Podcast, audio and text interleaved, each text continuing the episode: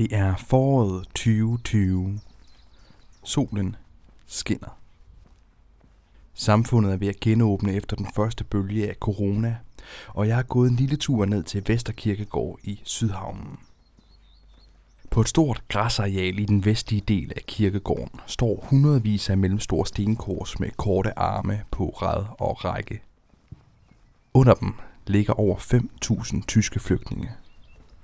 Mange af dem børn. En decideret massegrav midt i København.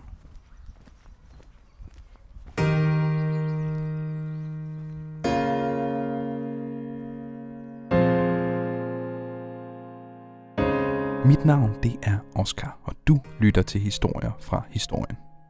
Et podcast om alle de virkelige og voldsomme fortællinger fra vores fælles fortid, som du måske ikke er blevet fortalt endnu.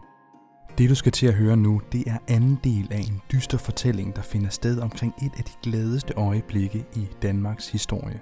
Befrielsen.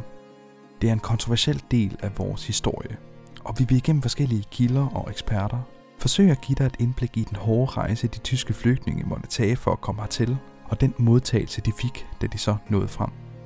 Det er en fortælling om dengang Danmark var et nærområde, der husede mere end en kvart million krigsflygtninge – om hvordan nødstede mennesker sultede, manglede lægehjælp og døde her midt i Danmark.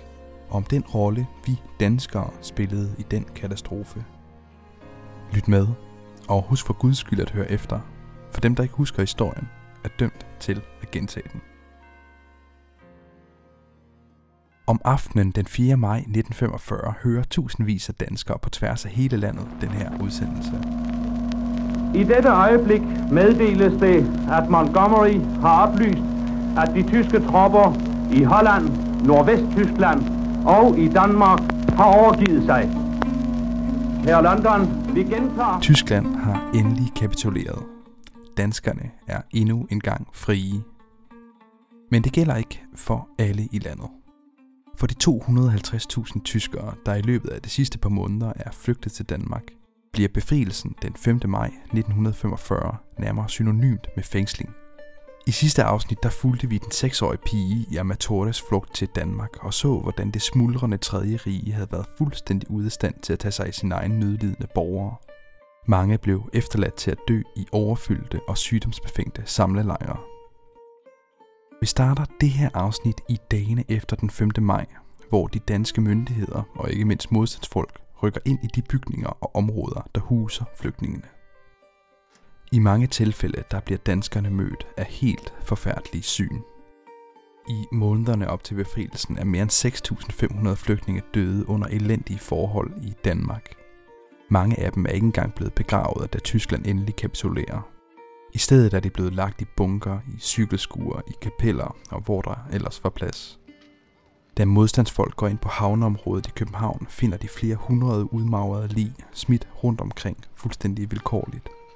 Alle ressourcer i Tyskland var blevet sat ind i den allerede tabte kamp imod overmagten, og der har simpelthen ikke været noget tilbage til landets egne indbyggere. Men nu er det tredje rige faldet, og dermed er det pludselig de danske myndigheder, der har ansvaret for alle de her nødstede tyskere. Og tyskerne, de er ikke velkomne alle de her flygtninge, der på det her tidspunkt er så talrige, at de udgør 6-8% af den danske befolkning, bliver med et forvandlet til krigsfanger. En tredjedel af dem er børn under 15. Og samtidig med det, der lukker Danmark også grænsen. De mange flygtninge, der allerede befinder sig i Danmark, er kommet ind på grund af tvang fra den tyske værnemagt. Men nu har Danmark altså et valg, og man siger pænt nej tak til at tage imod flere – så i de følgende dage, der bliver proppede flygtningeskibe afvist på stribe. Dem, der endnu ikke er lagt til kaj, bliver sendt ud af havnene tilbage imod det sønderbombede Tyskland. De værnemagtssoldater, der har været udstationeret i Danmark, rejser sig og marcherer mod grænsen, nærmest fra den ene dag til den anden. Tilbage bliver kun fangerne og flygtningene, efterladt til en usikker fremtid. Den 5. maj 1945, der er den lille pige Irma Torres 6 år gammel. I løbet af hendes korte liv har hun både mistet sin far og sin mor. Nu har hun kun sin store søster, to mostre og den ene kusine tilbage. Hendes mormor og anden kusine og fætter blev væk under flugten fra Tyskland. De befinder sig ved befrielsen på et hotel i Maribo, men efter danskerne igen får magten i Danmark, der skal de alle sammen flyttes. Den 8. maj, tre dage efter befrielsen, bliver Irma og hendes familie smidt ud af hotellet, og sammen med en masse andre tyske flygtninge, der bliver de samlet på den lokale skole. De må ikke længere gå ture i byen. Ingen steder faktisk. Rundt om lejren er der stationeret bevæbnede vagter, der skal sørge for, at tyskerne de bliver, hvor de er. Dagen efter, den 9. maj, har Irma fødselsdag. Hun fylder syv.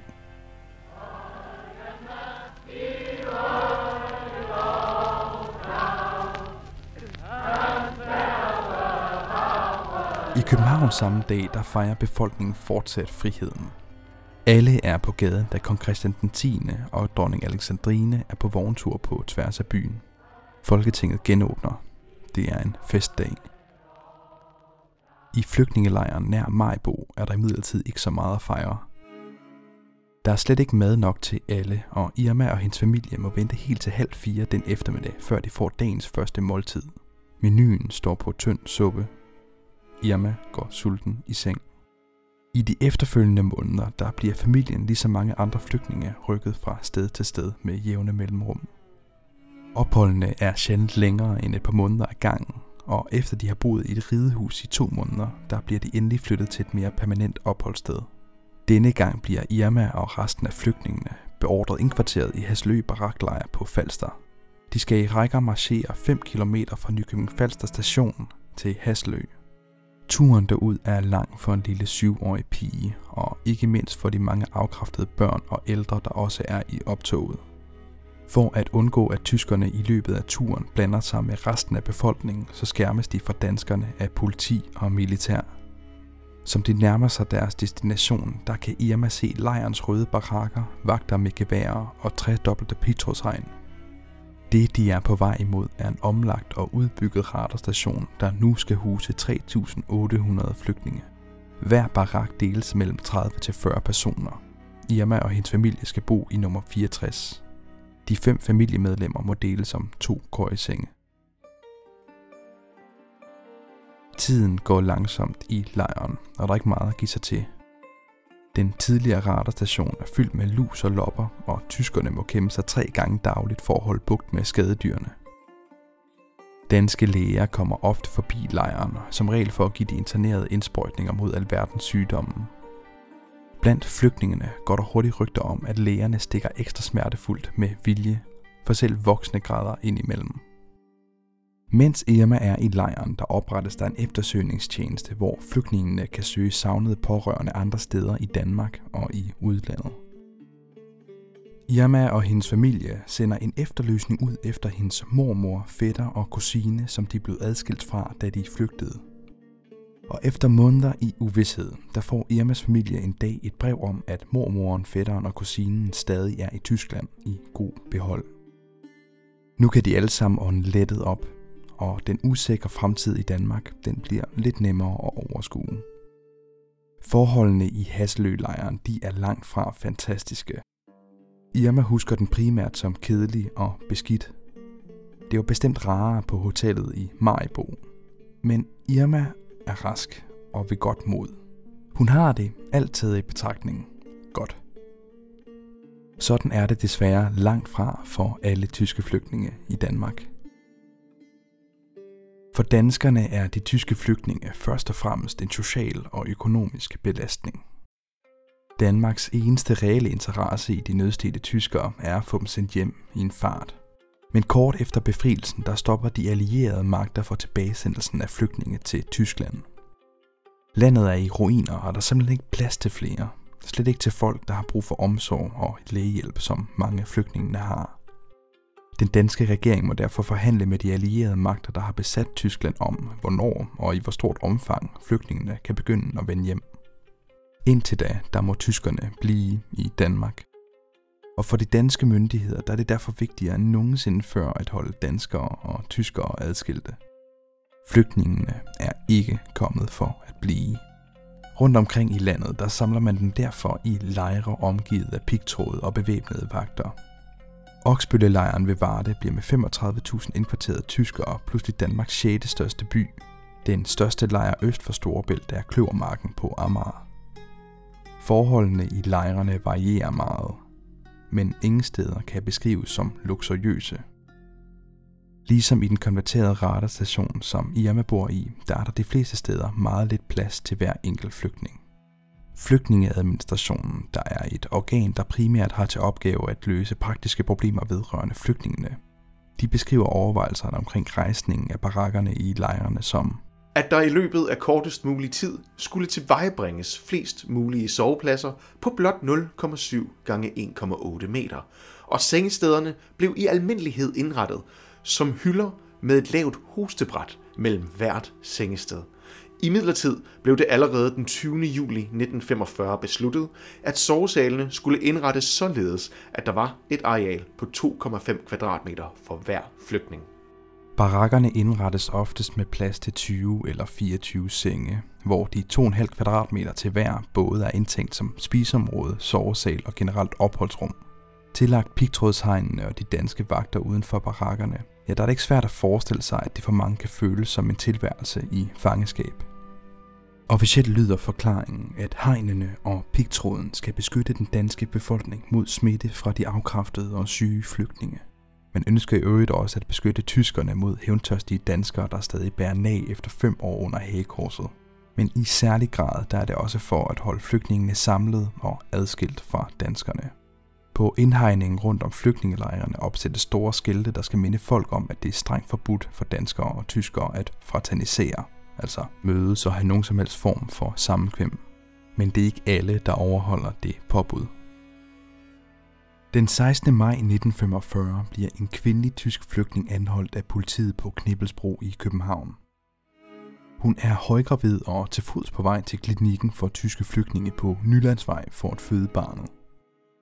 Sammen med hende anholdes også en dansk mand, der bærer hendes kuffert. Han er hendes kæreste og far til barnet.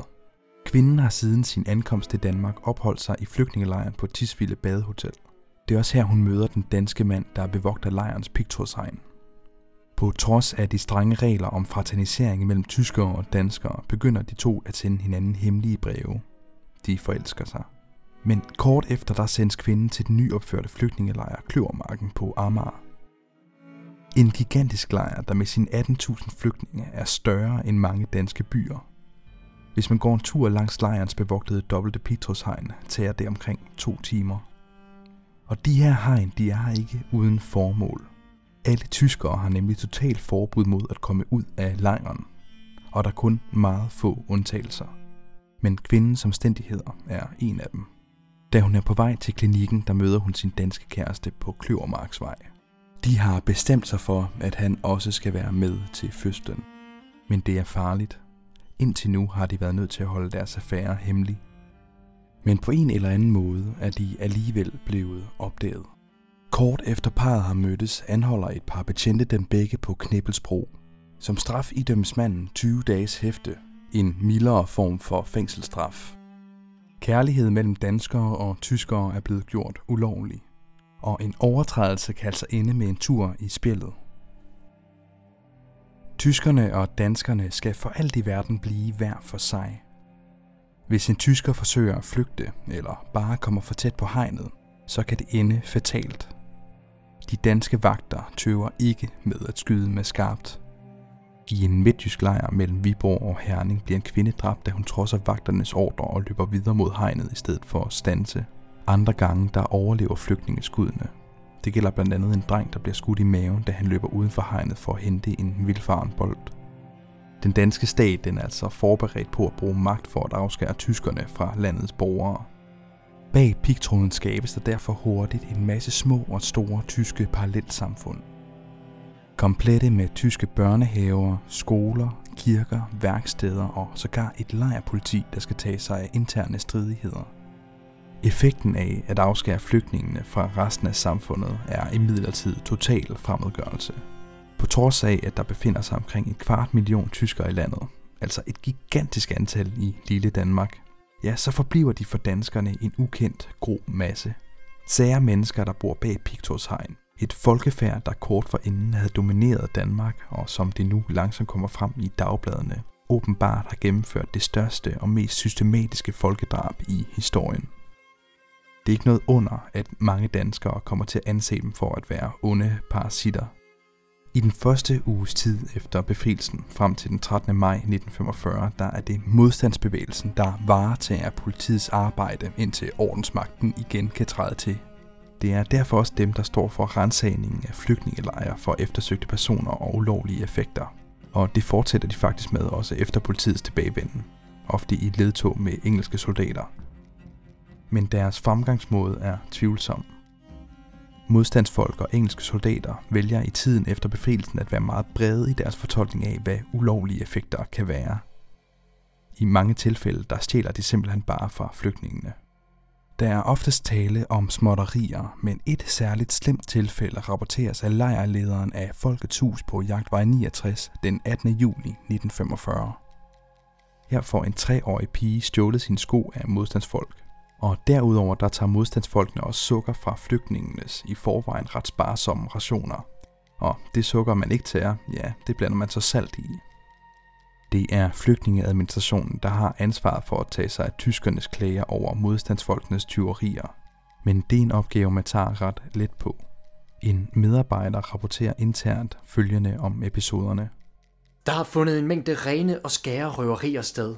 Frihedskæmpere, allierede soldater og andre har simpelthen stukket tingene til sig. At ville efterspore disse stjålne ting nu vil være håbløst og kun bidrage til at skabe endnu større modsætninger mellem de modstridende opfattelser. Flygtningeadministrationen vælger simpelthen ikke at handle på de her mange tyverier, der sker rundt omkring i landet. De kalder det direkte håbløst at prøve at finde og tilbagelevere flygtningenes effekter. Og det siger en hel del om, hvor kompleks den organisatoriske struktur omkring de tyske flygtningelejre er på det her tidspunkt.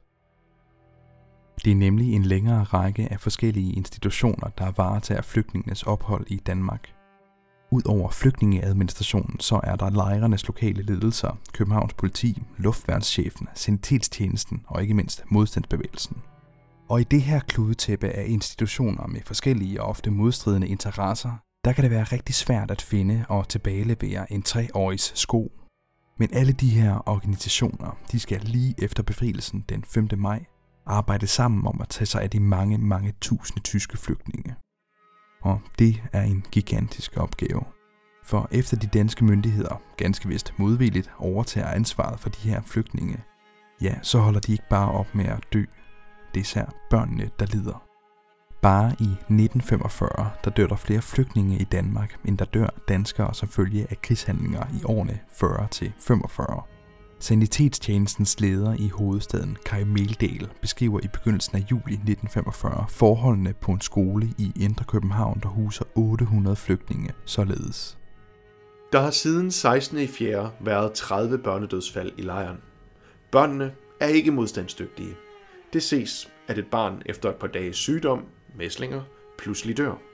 De er blege af mangel på luft, og de må efterhånden være i formidabelt C-vitaminunderskud.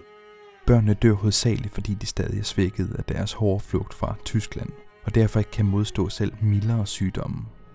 Hvis de skal kunne overleve f.eks. mæslinger, så har de brug for omsorg, lægehjælp og ikke mindst en god kost. Men i Danmark der bliver børnene fejl og underernæret. Menuen af rugbrød og kartofler de får serveret er hverken rigelig eller nærende nok til de afkræftede børn. Den 12. maj 1945, altså en uge efter befrielsen, der holder englænderne et møde med de danske myndigheder, hvor de pålægger danskerne at give hver rask flygtning en kost på minimum 1800 kalorier dagligt, mens børn og syge får lidt mere. To uger efter, der udsender de danske myndigheder så kostreglement for tyske flygtninge. Her der får hver voksen tildelt en ration, der svarer til ca. 2.000 kalorier, men tre børn under 8, de skal deles om det samme. Det betyder, at der kun er lige over 650 kalorier til hvert barn. I dag estimerer man, at børn i den aldersgruppe mindst har behov for det dobbelte. Særligt for de syge tyske børn er danskernes nærhed med kalorierne katastrofal. Det er da også langt fra alle danskere i statsapparatet, der er enige i de nye regler. I juli 1945 der skriver Kai Meldal til de danske myndigheder, at han bevidst overtræder det udstedte kostreglement. For ham er det indlysende, at børnene har brug for mere mad.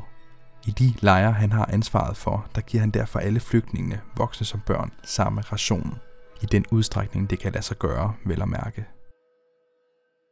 To måneder senere, den 1. september, der beretter Meldal om en opsigelse fra en af sanitetstjenestens ældste og bedste læger. Lægen har i desperation valgt at opsige, fordi det er nyttesløst og tidsspillende at tage sig af de tyske flygtninge, når der alligevel ikke er nok forplejning. Meldal citerer desuden lægen for følgende udmelding. Mange af disse mennesker er i en dårlig ernæringstilstand. Særligt gælder dette de mindre og de helt små børn, af hvilke enkelte i uhyggelig grad ligner dem, man har set på billeder fra tyske Vernichtungslager. Danskerne har på det her tidspunkt haft ansvaret for de tyske flygtninge i næsten et år. Og en læge rapporterer altså her, at nogle af flygtningenes forfatning er så dårlig, at det minder om noget fra en korsetlejr.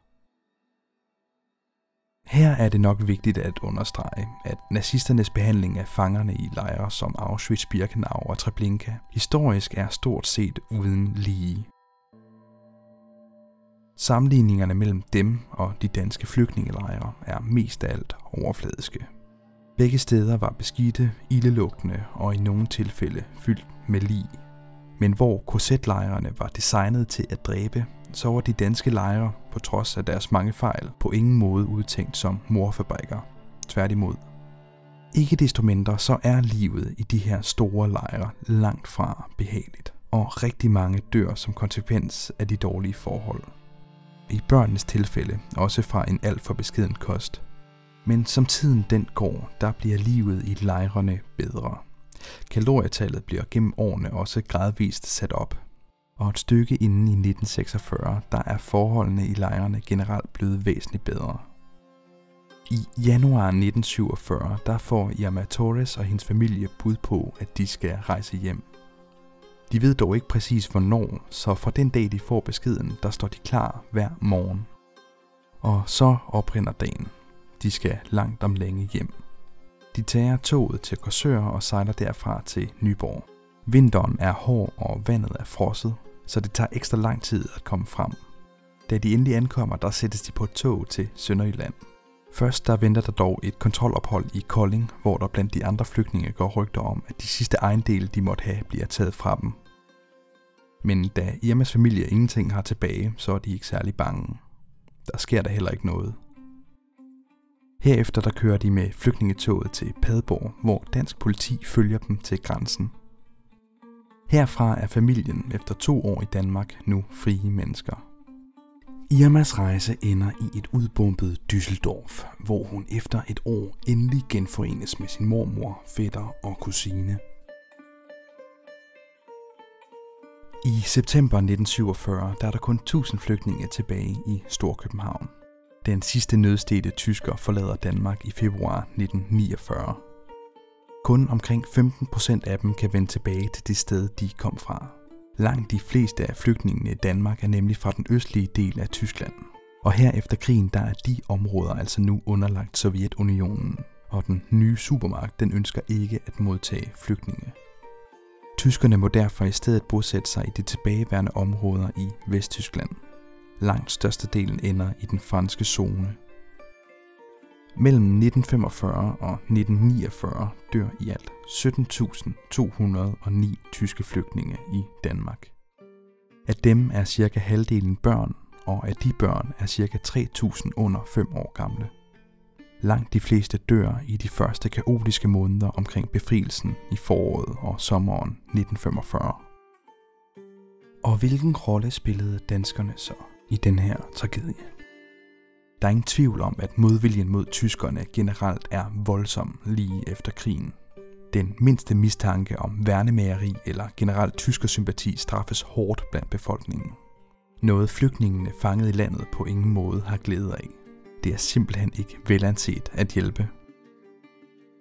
Men selvom hadet til folket i syd altså er stort, så er der også flere eksempler på danskere, der vælger at trodse flertallet. I samtiden var der jo kritiske røster. Kvinden, du hører tale her, det er Kirsten Lylof. Hun er overlæge og har i eftertiden rettet en kritik af den behandling og de forhold, de tyske flygtninge de fik i Danmark. Blandt andet sådan nogle som Paul Henningsen og Tove Ditlevsen og andre kendte personer, som gik ud og sagde, at det her var en humanitær katastrofe, og vi er nødt til at gøre noget. Og digter og forfatter Tove Ditlevsen skriver netop en kritik af Danmarks behandling af flygtningene. I politikken den 9. marts 1946 i sin kronik Det uartige ord skriver hun sådan her. Så vidt er vi kommet, at vi finder det rimeligt, at tyske børn sulter, fordi en flok syge og onde mænd af deres nation har styrtet verden i ulykke. Og så enøjet ulogisk tænker vi, at vi betragter hele den tyske race som farlig for verdensfreden, som uhelbredelig og bestemt til krig og grusomhed, alene ved deres anlæg. Kirsten Lylloff hun beretter også om, at der var flere læger, der trodsede lægeforeningens råd og hjalp syge flygtninge før befrielsen. Der var to sygehuse, og det var Gretov sygehus og Majbo sygehus. Og de to sygehuse, de behandlede faktisk og indlagde tyske flygtninge. Også før den 5. maj. De øh, fik en korrekt behandling, og de blev udskrevet i, i live, bortset fra nogle ganske få, som døde på sygehuset. Og de døde altså på grund af deres sygdom og ikke på grund af en dårlig behandling. Så der var definitivt steder i Danmark, hvor man behandlede de tyske flygtninge og var fuldstændig ligeglad med, hvad man sagde i København om, at de ikke skulle behandles. Debatten om de tyske flygtninge er i historiske kredse, særligt efter Kirsten Lyllofs forskning, blevet genantændt. Mange holder den dag i dag stadig fast i, at Danmark behandlede tyskerne så godt, som man overhovedet kunne forvente. Så det store og stadig åbne spørgsmål, det er, om danskerne gennem en mere målrettet humanitær indsats kunne have hindret, at så mange flygtninge endte deres liv i en dansk flygtningelejr. Det er svært, for ikke at sige umuligt, at svare entydigt på. De overtog et brændende hus fra værnemagten. Forholdene i lejrene var fuldstændig elendige. Danskerne fik til opgave at rette op på det tredje riges svigt – der kunne helt sikkert have været gjort mindre. Men meget tyder på, at der bestemt også kunne have været gjort mere. Lægeforeningen kunne have undladt at bruge syge civiles liv som et forhandlingsobjekt i besættelsens sidste dage, og så i stedet bare have behandlet de udpinte og syge voksne og børn, der sådan manglede lægehjælp. De danske myndigheder kunne have givet flygtningebørnene en bedre kost med flere kalorier og vitaminer. Om disse ting de med sikkerhed kunne have gjort en stor forskel, det er næsten umuligt at sige. Det eneste vi ved med sikkerhed, det er, at det ikke skete. Den ligegyldighed, de mange døde tyske flygtninge er blevet behandlet med i Danmarks kollektive bevidsthed, er på samme måde et svigt hvor både danske frihedskæmpere, landsforrædere og kollaboratører er blevet hedret, hadet og husket, så er de tusindvis af døde og den kvarte million civile, der i de to efterfølgende år befandt sig som fanger i Danmark, på en eller anden måde glædet ud af vores fælles erindring. Måske er det fordi, at historien om de tyske flygtninge i Danmark, den minder os om noget af det værste i os. Midt i befrielsesdagene med fejring og glæde skulle vi også have hævn, og vi skulle straffe – Sammen med glæden strømmede hadet også frem. Og hvor man kan diskutere tyskernes ansvar som folk for demokratisk at vælge en mand som Hitler til kansler, så kan der aldrig være nogen tvivl om, at de mange tusinde børn, der led og døde i flygtningelejrene, mens danskerne fejrede befrielsen, ingen aktier havde i deres landsfælders brutaliteter. Børn under fem år, der ligesom lider så meget og dør, i de øh, mængder, som de gjorde i 45 af de tyske flygtningebørn der, de er jo normalt en gruppe, som vækker med lidenhed. Dem undtager man fra de hadfulde angreb, men lige her, der var de altså ikke undtaget. Altså hadet i den danske befolkning var så stor, man kunne ikke engang følge med lidenhed med de her øh, børn under fem år. I 1962 der indgik den danske og tyske regering samt organisationen Volksbund Deutsche Kriegsgabervorsorge en aftale om at samle de tyske flygtninges gravsteder på større kirkegårde rundt om i Danmark. Den største den befinder sig på Vesterkirkegård i Københavns Sydhavn. Her hviler der den dag i dag 5.444 tyske flygtninge blandt tyske soldater. Det er stadig den tyske stat, der betaler for vedligeholdelsen af gravene. Selv i døden er de tyske flygtninge ikke danskernes ansvar.